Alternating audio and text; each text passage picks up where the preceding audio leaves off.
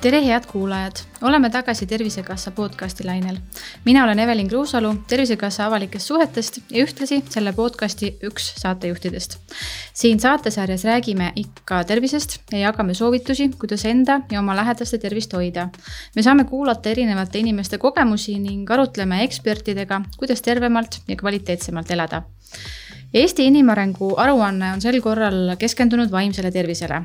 siinkohal tsiteerin Eesti teadlased on ühel meelel, et vaimne tervis ja ühiskonna valmisolek kriisidest sõltub inimeste sotsiaalsest ja emotsionaalsest turvatundest ja seotusest kogukonnaga. Ent võtmeküsimus on, kuidas tõsta teadlikkust tervislikest eluviisidest ja toetavate suhete olulisusest ning kuidas panna keskkond siinkohal siis äh, nii digitaalne kui ka füüsiline keskkond meie vaimse tervise heaks, heaks tööle, on öelnud äh, professor Merike Sisask. Elu jooksul kogetud äh, kapital, milleks võib olla näiteks äh, tervislik eluviis, haridus, suhted, meie digipädevus. see kõik tuleb kaasa läbi elu kuni kõrge eani välja ning see kõik toetab meie vaimset heaolu. Öeldakse ju, et äh, tervest lapsest saab teadlik ja terve täiskasvanu. tänase vestluse fookus on meie laste ja noorte vaimsel tervisel, sellega seonduvatel väljakutsetel ja stereotüüpidel minu tänaseks vestluspartneriks on Ida-Virumaal tegutsev vaimse tervise õde Egle Küttis. Egle on kogenud käitumishäirete ja vaimse tervise väljakutsete teemade abistaja. tere, Egle! tere! kuidas sul läheb?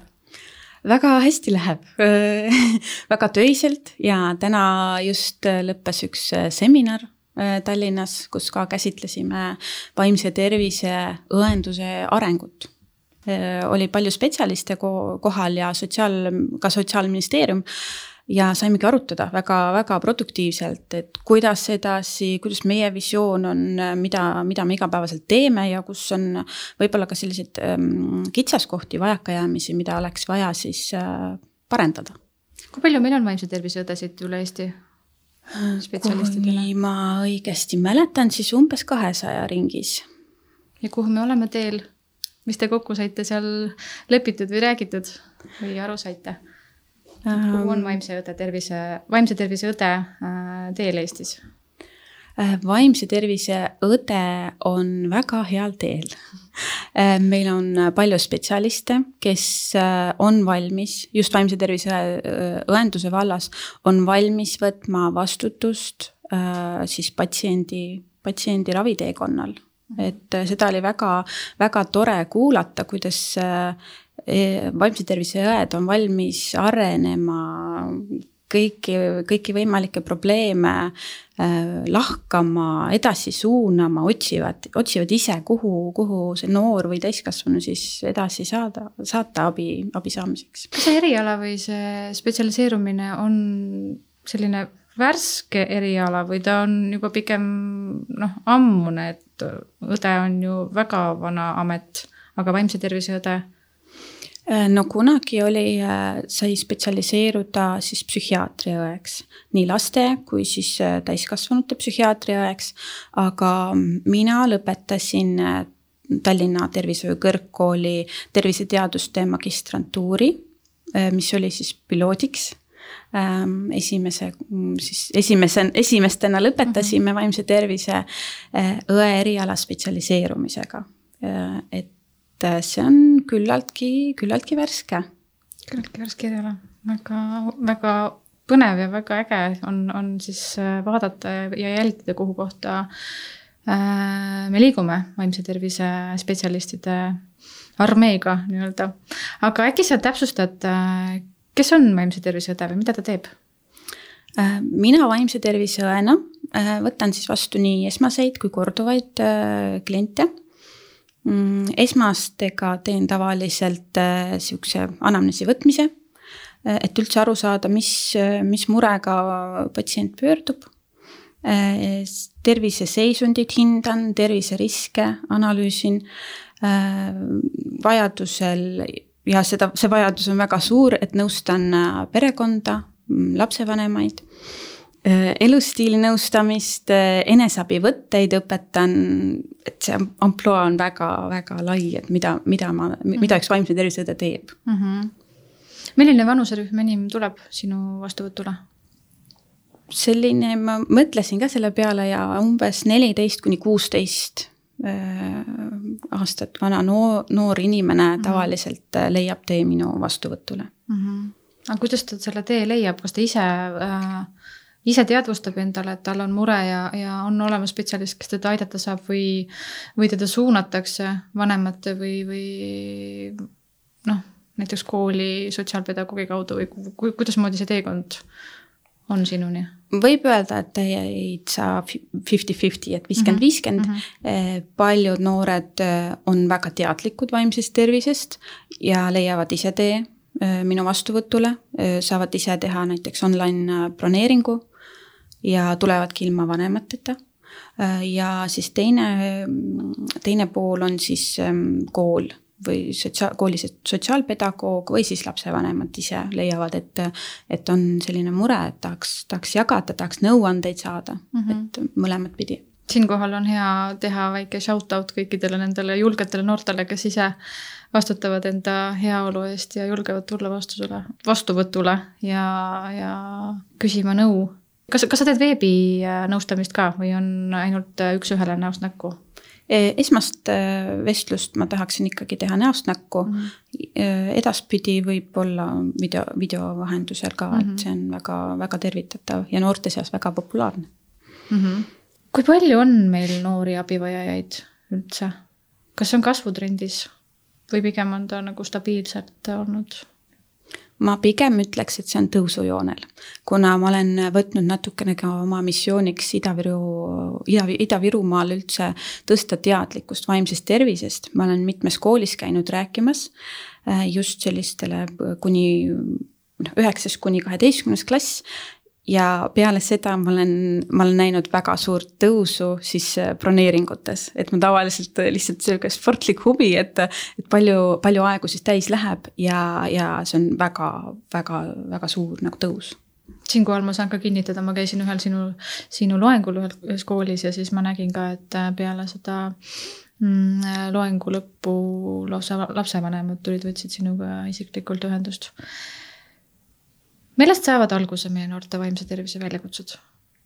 Neid põhjuseid on väga palju äh,. alustaks äh,, ma arvan, perekonnast, kus äh, võib-olla sellel lapsel, noorel ei ole oma vanematega nii head su-, head suhted emotsionaalselt et nad millegipärast pelgavad ennast avada või neil on mingi äh, halvad kogemused et kui ma ennast avan, siis, siis sealt võib tulla mingi selline reaktsioon, millega nad hakkama ei saa.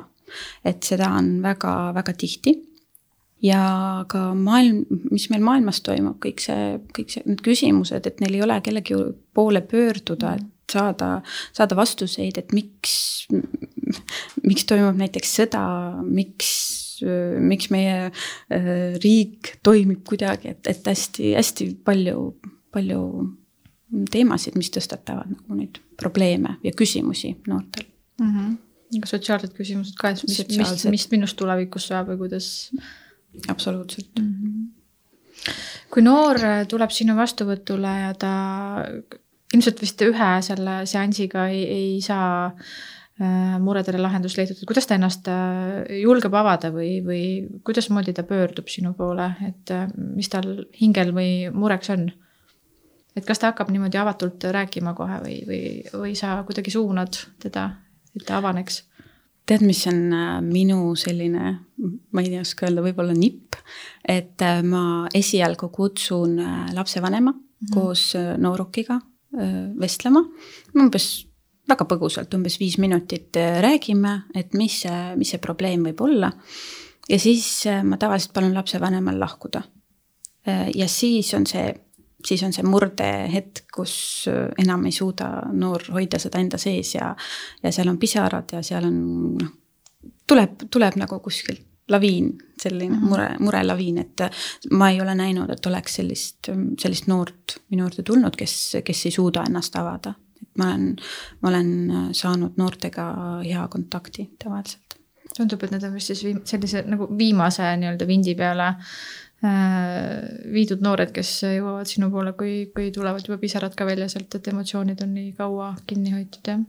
Jah, ma seda näen ikka väga-väga tihti, kus, kus enam ei, ei suudeta, ei suudetagi hoida seda enda sees ja, ja siis plahvatatakse välja kõik, mis, kõik, mis on murekohad elus. Miks meil on kodused, kodune keskkond selline, et me ei julge avada ennast üksteisele või, või ei räägi kodus, ei lahka neid teemasid, et saaks ennetada neid vaimse tervise katastroofe lausa, kui, kui nii võib öelda ju mulle tundub, et väga palju oleneb ka lapsevanema osavõtlikkusest ja teadlikkust siis lapse suunamisest. et äh, kui ma teadlikult äh, peale tööd äh, peale siis lapse lasteaiast või koolist võtmist, ma küsingi, et kuidas su päev läks, mis oli head, mis oli halba, et see juba avab ukse vestluseks või millegi arutluseks.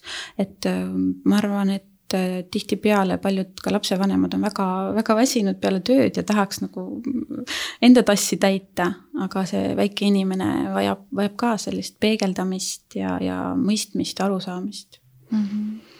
Siin on äh, spetsialistid on on jaganud äh, nagu näpunäiteid, et äh, vähemalt viisteist minutit päevas äh, üks-ühele lapsega lapsega olla ja lubada lapsel ka valida see tegevus ja, ja viis, kuidas seda tegevust teha.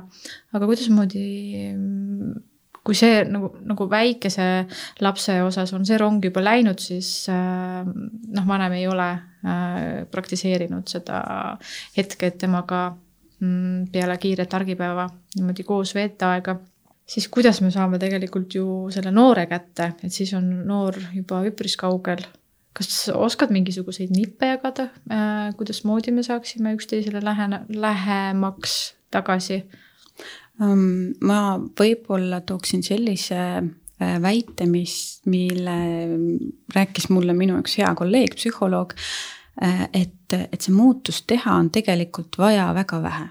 on vaja näidata üles huvi et sul on huvi selle lapse käekäigu vastu, et, et ta on oluline, et ta on isiksusena oluline, tema arvamus on sulle tähtis. et, et see avab väga palju uksi, võib-olla mitte kohe, aga järjekindlus viib sihile. meil on äh, ärevushäirega inimesi äh, statistika näitab, et see on kasvutrendis ja ka äh, kui vaadata maakonniti tervise ja heaolu profiile, siis seal on üks, üheks, üheks punktiks ka mm, vaimne tervis ja ka suitsiidsete mõtete nagu kogemine või siis ka nendes mõtetes nagu edasiliikumine. et meil on äh, ärevushäire üpris, äh, üpris kõrgel tasemel. oskad sa selgitada, mis see ärevushäire on või millest see tuleneb? Äh, ma alustaks üldse see ärevusest, et, et iga inimene kogeb ärevust. mina näiteks ka täna enne seda vestlust kogesin ärevust, aga ja see ärevus on meie keha, äh, meie keha reaktsioon, see on täiesti tavaline reaktsioon. Äh, aga kui meie, kui me ei suuda sellega enam hakkama saada, me ei tule toime selle ärevusega ja näiteks kui mina põgeneksin siit ära praegu Äh, siis see, see tähendab, et, et see ärevus on juba nii kõrge, et mina ei kontrolli enam ennast. et minu ärevus on minu üle kontrolli võtnud ja ma siis äh, emotsiooni ajel mm, siis reageerin kuidagi et kas siis äh, eemaldun või väldin üldse, et ärevushäire põhimõtteliselt ongi see, et igapäevategevusi ma ei suuda enam teha. Näiteks äh, mul oli üks äh, meesterahvas kliendiks, kes ütleski, et ärevushäire segab tema eluga toimetulekut, sest et ta teab, et tal on vaja minna poodi, süüa osta, et mitte nälga jääda, aga ta ei suuda seda teha. ta ei suuda majast, korterist välja astuda, et minna poodi, sest et inimesed tekitavad temas sellist ärevust, millega ta ei suuda enam hakkama saada. et ta põhimõtteliselt võibki sinna poe, poe juurde minna, aga ta keerab, keerab otsa ringi ja läheb koju tagasi, sest et see ärevus on juba nii kõrge. on see kuidagi diagnoositav ka, kuidagi kliiniliselt diagnoositakse seda või, või või inimene peab lihtsalt ise taipama, et tal on, on miskisugune väga suur takistus, mis äh, ei lase tal igapäevatoimetusi teha. Äh, no tavaliselt äh, seda üldist ärevushäiret näitab ka selline küsimustik nagu E2, see on siis emotsionaalse enesetunde küsimustik, mida mina täidan ka alati klientidega.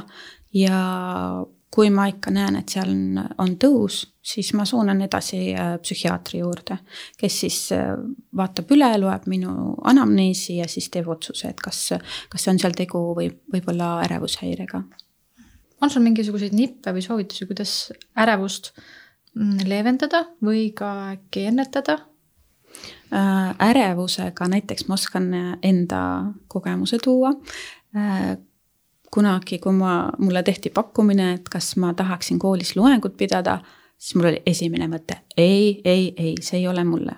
ja siis ma hakkasin mõtlema, et okei okay,, mul nagu kohe tõusis ärevus. aga mis ma saaksin sellega teha? hästi lihtne selline mm, harjutus on näiteks hingamine, et hingad sisse, loed neljani, hoiad hinge kinni, loed neljani ja lased või hingad välja, loed samuti neljani.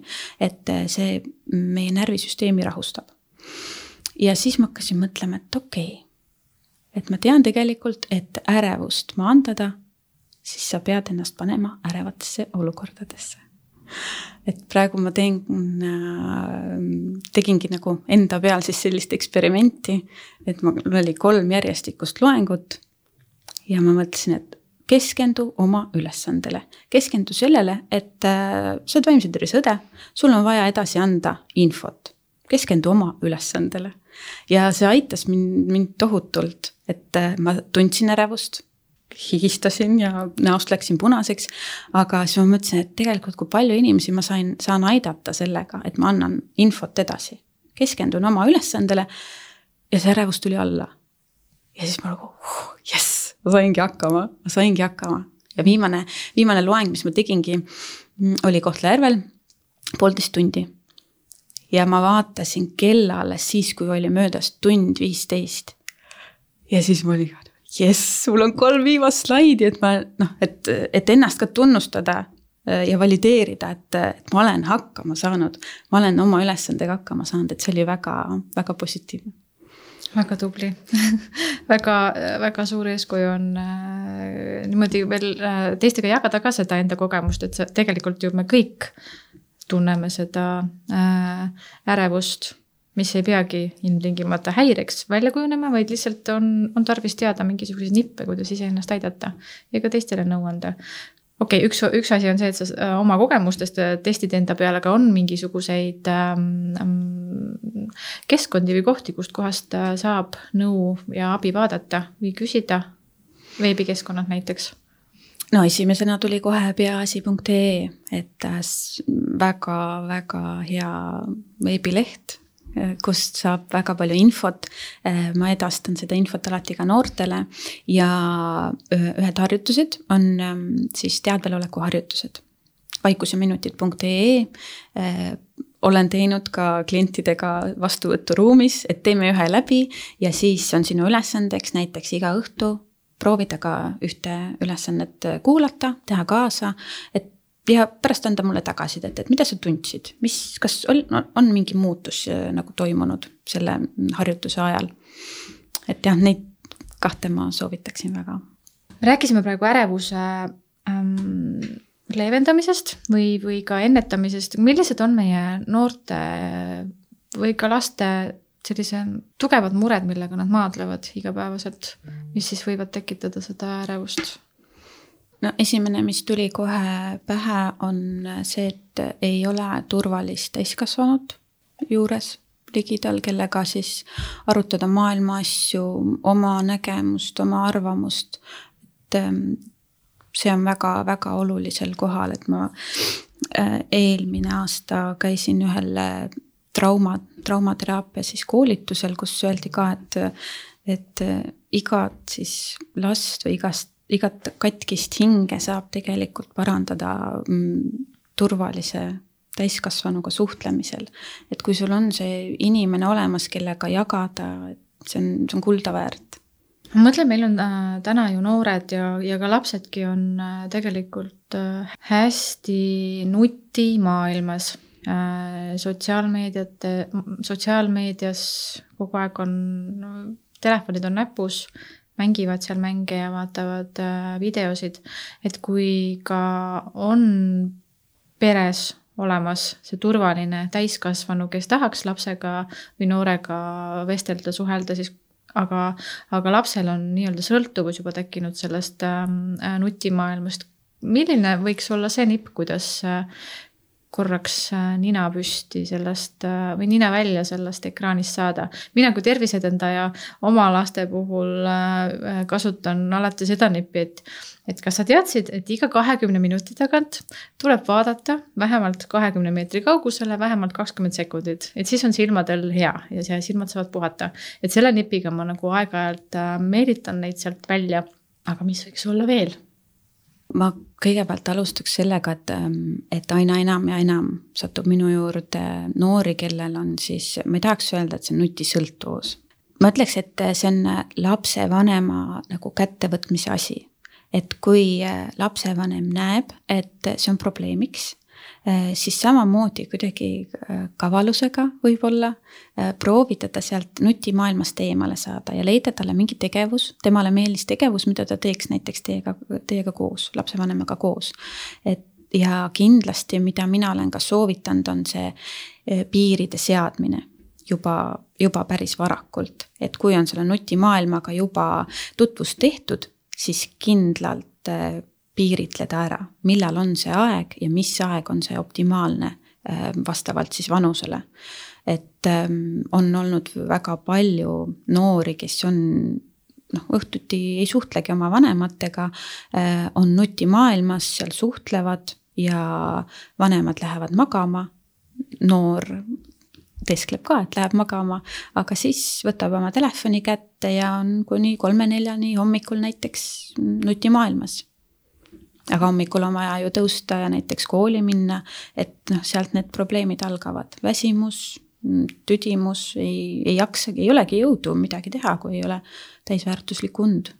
nii et see sotsiaalmeedia ja, ja nutimaailmas äh, seiklemine mõjutab äh, meie vaimset tervist otseselt, mida seal nähtakse ja, ja kaudselt, kui jääb seda puhkeaega vähemaks. absoluutselt, et äh, paljud lapsevanemad on ka küsinud, et miks ma küsin äh, nagu une kohta ja unerežiimi kohta, unehügieeni kohta.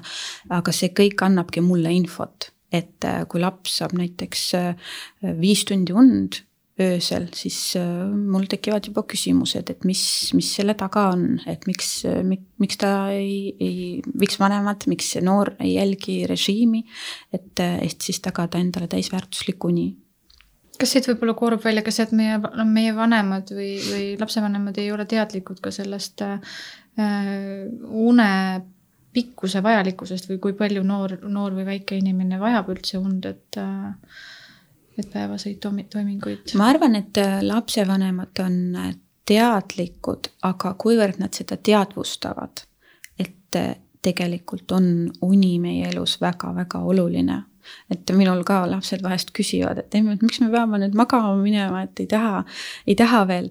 ja siis ma seletan, et, et kõik see, mis sa koged päeval, kõik, mis sa õpid, et see kinnistub, kui sa, kui sa magad.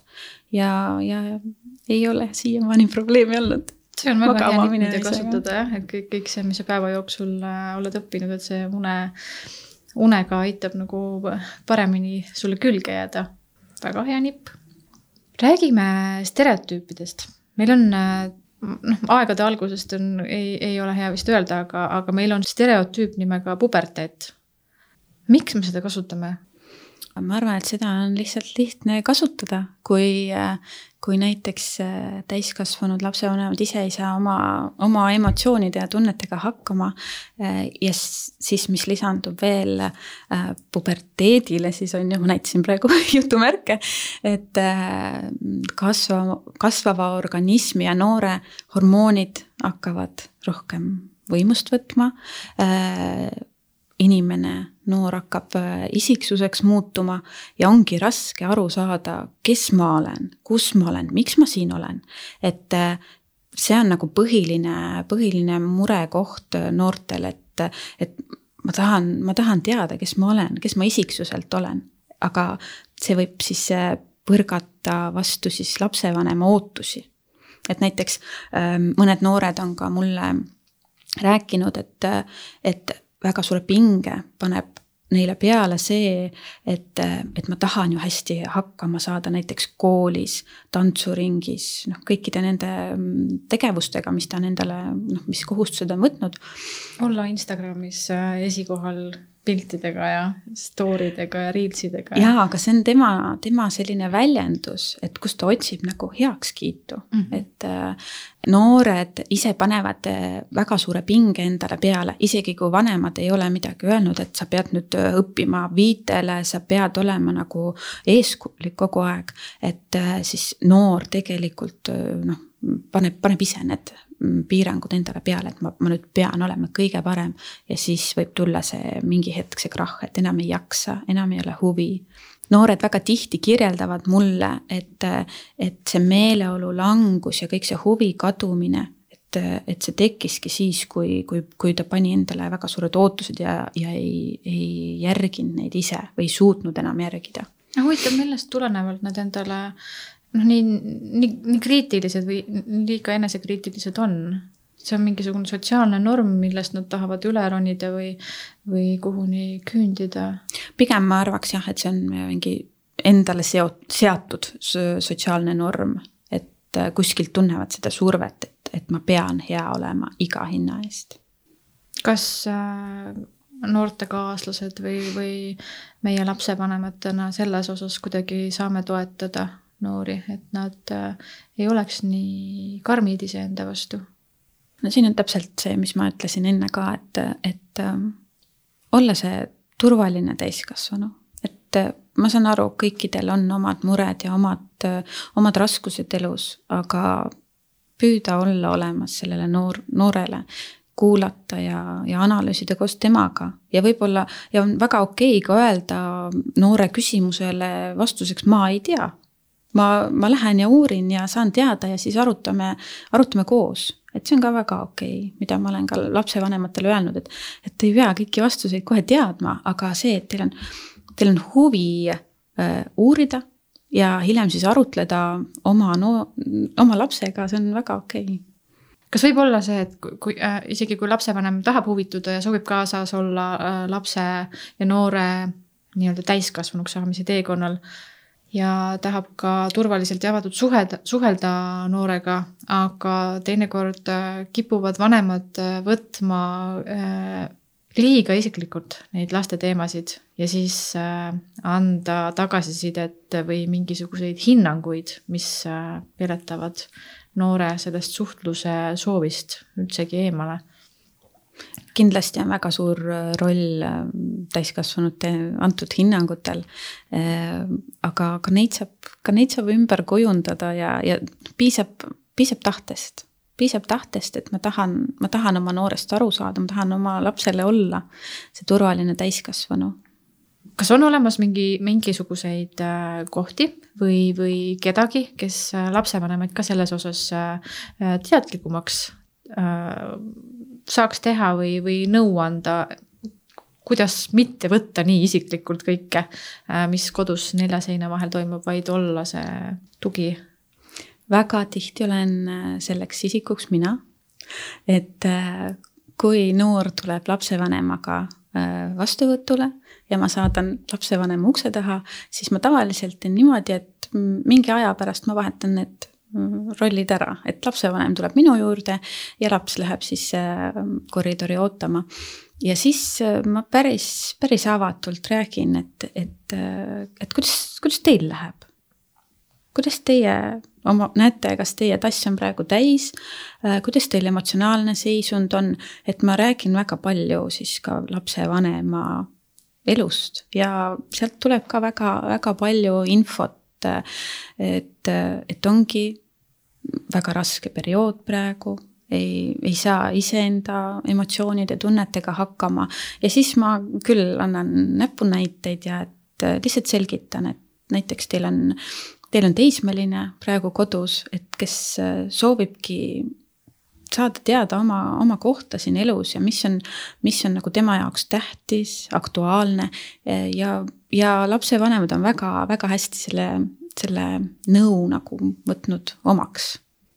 Kas sa korraldad äh, kohtumisi ka seanssidena või, või piisab ühest korrast ja, ja nad praktiseerivad seda kodus ja suhtlus või kontakt sinuga kaob või nad tulevad tagasi veel nii-öelda enama järele, et äh, veelgi teadlikumaks saada või, või abi saada veel juurde Äh, väga oleneb, et äh, kui ma esmaselt ähm, visiidilt saadan edasi psühhiaatri juurde, siis, siis väga tihti tullakse minu juurde tagasi. ma olen õppinud ka kognitiivkäitumuslikku teraapiat ja siis ma oskan anda mingeid nippe ja, ja mingeid tehnikaid, et kuidas, kuidas veel paremini, veel paremini saaks oma tunnete, emotsioonide reguleerimisega hakkama siit tuleb jälle järgmine stereotüüp psühhiaatri juurde, et siis sa pead ikka täitsa hull peast olema juba, kui sind sinna saadetakse. miks liigub äh, see teekond sedasi, et vaimse tervise spetsialisti juurest äh, psühhiaatri juurde mm,? ma võiks öelda, et see stereotüüp on hakanud lagunema. Et äh, mina ka teen väga suurt tööd sellega, et üldse selgitada, mida teen mina, mida teeb, mis, mis etapp on siis psühhiaatril Äh, ravi, raviteekonnal. ja ma võin öelda, et väga, päris paljud inimesed on nagu hakanud ümber hindama, et noh, arst nagu iga teine ju tegelikult. et kui me tegeleme oma äh, füüsilise tervisega nagu igapäevaselt, siis miks me ei võiks oma vaimse tervisega täpselt samamoodi tegeleda?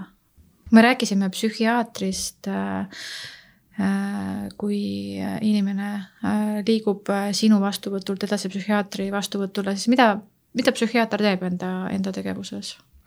No psühhiaater samuti teeb oma anamneesi, vaatab varasemaid pöördumisi tervishoiuasutustesse.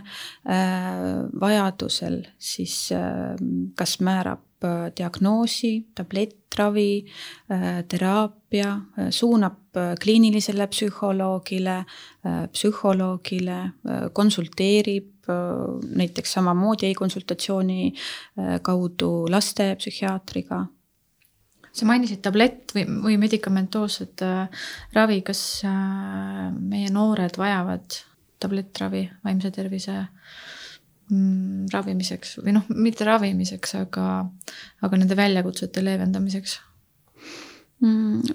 mõned vajavad kindlasti, aga selle tablettravi või medikamentoosse ravi kõrval äh, võiks olla alati ka see teraapia et, et näiteks äh, depressiooni korral määratakse siis antidepressantravi, äh, mis tõstab siis meeleolu ja siis, äh, kui on teraapia seal kõrval, siis need tulemused on lihtsalt palju, palju edukamad, kiiremad tulema. oskad sa öelda, milline võiks olla meil tulevikusuund esmatasandi koha pealt äh, noorte vaimse tervise väljakutsete märkamisel? Kas koolikeskkonnas või kasvõi perearsti vastuvõtul mm,? selleks ähm, võtmeisikuks tegelikult võib olla näiteks ehm, eriväljaõppe saanud äh, sotsiaaltöötaja näiteks. Ähm, noh, pereõed niikuinii tegelevad sellega, aga samuti, et see, et oleks see teadmine, et mida üldse jälgida, kus on see, kus on see koht, kus nagu midagi hakkab, hakkab arenema, kuskilt alguse saama, et see on, see on tuleviku vaates hästi-hästi oluline, et, et seda kõike koor-, koormust koormust nagu jagada mm. -hmm ma mõtlen, kuidasmoodi see on võimalik üldse äh, aru saada, mis äh, inimese kesta sees või inimese sees äh, tegelikult toimub. praegu on ju kampaania, et ole julge äh, rääkida sellest äh, küberkiusamisest ka kus üks noormees äh, jõuab koju ja vaatab, et talle telefoni peale tulevad sõnumid samal ajal, kui ema küsib, kuidas koolis läks ja ta nagu oskuslikult petab äh, täiskasvanu ära, et tegelikult äh, ütleb, et kõik on hästi, aga mis seal selle kardina taga toimub nii-öelda? jah, selles mõttes see on, see on keeruline teema, aga samas, kui ma vaatan ka neid noorukeid, kes on minu juurde jõudnud, siis äh, ei ole, ei ole probleemi sellest rääkida, aga noh, see tähendab ka seda, et nad on minu juurde tulnud juba kas, ma ei tahaks öelda nagu viimases hädas, aga sellise murekoormaga, mille, mille all nad ei jaksa enam, enam olla. aga väga tihti räägitakse ka mulle äh, küberkiusamisest, koolikiusamisest, et selle usaldusliku suhte loomine on minu arvates see võti ehk et meil siiski on see väga aktuaalne teema ka koolides, et äh, kui mitte füüsiliselt ei kiusata, siis äh, vaimne kius on ikkagi, käib taustal. käib taustal ja aina enam on see kolinud nutiseadmetesse mm. -hmm. kus siis äh, võetaksegi endale üks ohver ja, ja ja kirjutatakse no pidevalt, selles mõttes, et telefon on ju sinuga kakskümmend neli seitse ja, ja see vaimne vägivald on, on pidev miks noored teevad niimoodi, miks nad võtavad kellegi nii-öelda nõrgema või endast mm, jah, ikkagi endast nõrgema sihikule ja? no mina olen seda noortele ka niimoodi selgitanud, et need kiusajad, tegelikult neil on hinges mingi tohutu suur valu, küsimused, et, et neil kindlasti ei ole kerge olla sa mainisid enne, et sa käid ka koolides loenguid andmas, kas sul on kuulajaskond on noored lapsed, saan ma aru, on ju? jaa, kuulajaskond on äh, noored, tavaliselt on üheksandast kuni kaheteistkümnenda klassini. kas sa seal ka jagad äh, või, või käsitled neid äh, koolikiusamise ja vaimse tervise väljakutsete teemasid, jagad neile nõuandeid ja nippe? Absoluutselt, ma jagan kõike, mis, mis, kõik, mis minu pädevusse kuulub. ma räägin koolikiusust, ma räägin äh, enesetapumõtetest äh,, suitsiidikatsetest äh,. võib-olla see on nende jaoks natukene šokeeriv, aga ma räägin ka nagu noh, reaalsest elust, et mis võib selleni viia. ja päris palju noori on peale loengut noh, võtnud järjekorda ja tulnudki minuga rääkima just sealsamas, peale loengut. et on väga, väga palju sihu-, noh, puntras, puntras noori, kes tahavad vastuseid saada. et kas see, kas see, mis minu sees toimub, on normaalne? kas on ka peale, peale loenguid tulnud äh, noori, kes endaga küll ei ole puntras, aga nad märkavad, et nende kaaslasel on mingisugune mure ja, ja ehk et kuidas oma kaaslast siis kasvõi aidata, kui nad ei julge võib-olla sellele kaaslasele öelda, et äkki sa lähed äh, kellegagi spetsialistiga rääkima, aga et ise äh, saada teadlikumaks, et kuidas oma seda noort kaaslast aidata. On küll tulnud jah, praegu tuleb üks selline situatsioon meelde, kus äh, nooruk tuligi, et tal on sõber, kes on noh, ta märkab, et ta on viimasel ajal selline apaatne ja sihuke väsinud ja ei taha midagi teha. et kuidas, kuidas nagu teda aidata. ja siis ma andsin sellise soovituse talle ka, et, et räägi, mida sa näed temas, peegelda seda talle et ma näen, et sa oled viimasel ajal väsinud, et, et sa ei taha, noh, ei huvitu millestki, ei taha midagi teha, et kas võib olla midagi juhtunud et ähm, mulle tundub see väga hea selline lähenemisviis, see peegeldamine, et sa ei anna hinnanguid või, või et sa oled nii sa näed nii teistmoodi välja ja et kindlasti on midagi juhtunud, aga just seda peegeldamist, et ma näen, et sa oled viimasel ajal nii väsinud või, või tujust ära, et kas midagi on juhtunud. kas meie noored on äh, on nad julged niimoodi tulema kaaslase kohta küsima või et, et, et ise teadlikuks saada ja, ja teisi aidata või pigem veel nad ei oska selle peale veel tulla? ma ütleks, ma ütleks, et aina julgemad, aina julgemad, et, et küsitakse vahest ka väga siukseid ma ei oska öelda, võib-olla siukseid kompromiteerivaid küsimusi, aga selles mõttes ma ütlen ka, et ma olen kõike kuulnud, et, et ei, ei pea häbenema, et kui on, tekib küsimus, siis sellele tuleb vastus saada.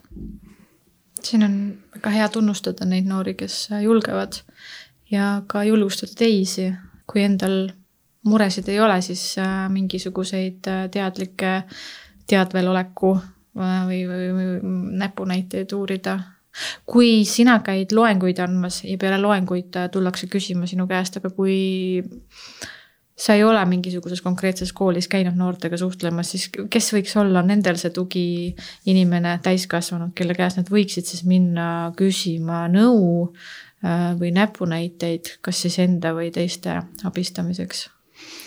Mm, kui koolis äh, on võimalus näiteks kas sotsiaalpedagoog, äh, eripedagoog või on koolipsühholoog, et kindlasti, kindlasti võiks pöörduda ja küsida, küsida abi ja nõu. On ka mingisuguseid veebisaite, kuskohast, äh, kui ei taha kellegagi otseselt suhelda? Mm, tuleb jälle meelde peaasi.ee, kus saab, kus saab ka suhelda chatbox'is mm -hmm. ja küsida oma mm, -hmm. oma küsimus ära ja saada vastus meil on palju viimasel ajal räägitud või käsitletud vaimse tervise vitamiinidest, mis need on? Äh, ma oskan sulle kohe mitu öelda. Äh, piisav uni, tervislik toitumine, värskes õhus viibimine, sport, oma lemmiktegevustega tegelemine, näiteks heegeldamine, kudumine, jooga et neid on, neid on väga palju, aga need on inimestel, inimestel väga erinevad. et leia see, mis toob sulle rõõmu, mis toob sind sellest argirutiinist välja. Äh, ja ma noortele olen just hästi palju mm, propageerinud seda värskes õhus liikumist, et kui su füüsiline keha liigub, siis su vaim saab, saab nagu äh, uue energia, saab puhata. Et äh, see on väga-väga oluline, et need oleks need vitamiinid, mida mina soovitaks. see on väga hea nõuanne, kusjuures ma olen ise ka äh, tudeng ja möödunud aasta äh, eksamite perioodil ka tundsin, et äh, et vaim hakkab raugema. Ja siis äh, ma avastasin enda jaoks pikad jalutuskäigud. Ja mis see mulle andis, ma kohe tunnetasin või tundsin, tundsin ära selle hetke, mil äh, jalutuskäigu algusest äh, mingisuguse hetkeni mul aju lülitas ennast täiesti välja, et see on, see on nagu füüsiliselt on see tuntav lausa. et sa saad need kõik mõtted mm, selle jalutuskorra käigus omal peast välja ja, ja saab värskena alustatud otsast peale jälle väga head nõuanded. loodan, et äh, tänasest äh, vestlusest sai igaüks endale mõne nõuande, äh, kuidas aidata iseennast ja ka aidata teisi ja oluline on märgata ja, ja oluline on ka julgus. aitäh sulle, Egle! aitäh kutsumast!